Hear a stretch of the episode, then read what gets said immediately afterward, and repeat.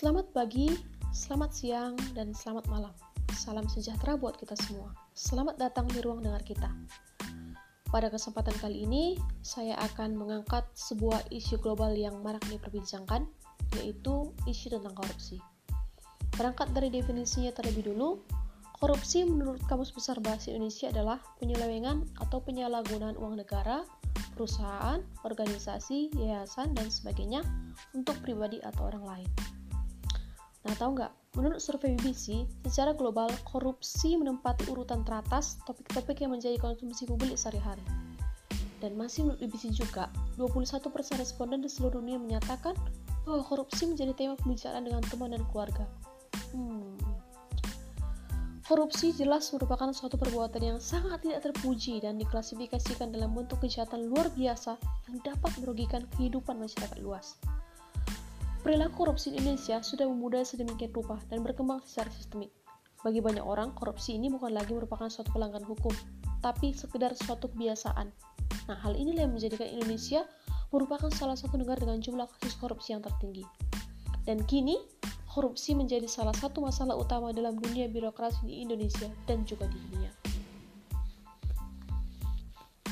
Hmm, di tingkat regional Asia dan Asia Pasifik, Indonesia selalu menduduki peringkat teratas sebagai negara paling korup. Political and Economic Risk Consultancy atau PERS, sebuah lembaga konsultan independen yang berbasis di Hong Kong menempatkan Indonesia pada posisi sebagai negara juara korupsi di Asia selama 10 tahun terakhir berturut-turut. Begitu memprihatinkannya tindak pidana korupsi di negeri ini ya, maka tidak salahlah hasil survei Transparansi Internasional Indonesia Januari 2020 lalu memperlihatkan Indonesia merilis indeks persepsi korupsi sebesar 40. Jika skala global ada di peringkat 85 dari 180 negara, di level ASEAN, Indonesia berada di peringkat keempat. Ternyata korupsi itu sangat berdampak buruk pada seluruh sendi kehidupan manusia. Korupsi merupakan salah satu faktor penyebab utama tidak tercapainya keadilan dan kemakmuran suatu bangsa. Korupsi berdampak buruk pada sistem perekonomian, sistem demokrasi, sistem politik, sistem hukum, sistem pemerintahan, dan tatanan sosial kemasyarakatan. Yang tidak kalah penting, korupsi dapat merendahkan martabat suatu bangsa dan dalam tata pergaulan internasional. Korupsi yang terjadi di Indonesia negara kita sudah bersifat kolosal dan ibarat penyakit yang sudah sulit untuk disembuhkan. Karena sifatnya yang sangat luar biasa, maka untuk memerangi atau memberantas korupsi diperlukan upaya yang luar biasa pula.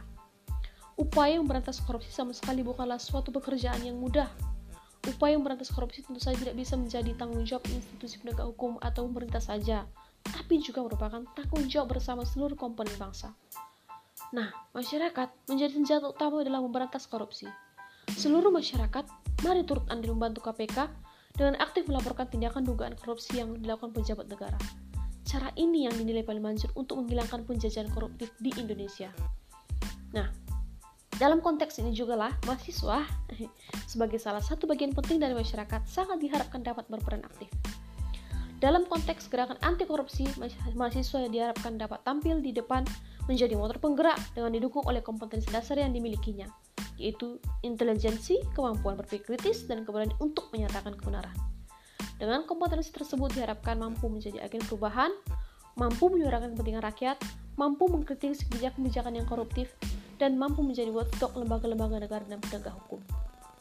Oleh sebab itu, mari satukan langkah. Mari perangi korupsi dan mengawali dari diri sendiri. Dengan harapan besar bagi kejayaan negeri ini serta kesejahteraan bangsa yang ada di dalamnya. Tidak ada yang tidak mungkin di muka bumi ini. Sesuatu yang besar selalu diawali dengan satu langkah kecil namun pasti dan penuh integritas. Nah, perlu untuk diketahui nih, saat ini pengaduan kasus korupsi bisa lewat aplikasi loh, namanya Lapor, layanan aspirasi dan pengaduan online rakyat. Jadi, cukup klik situs lapor.go.id, kemudian sampaikan isi laporan Anda.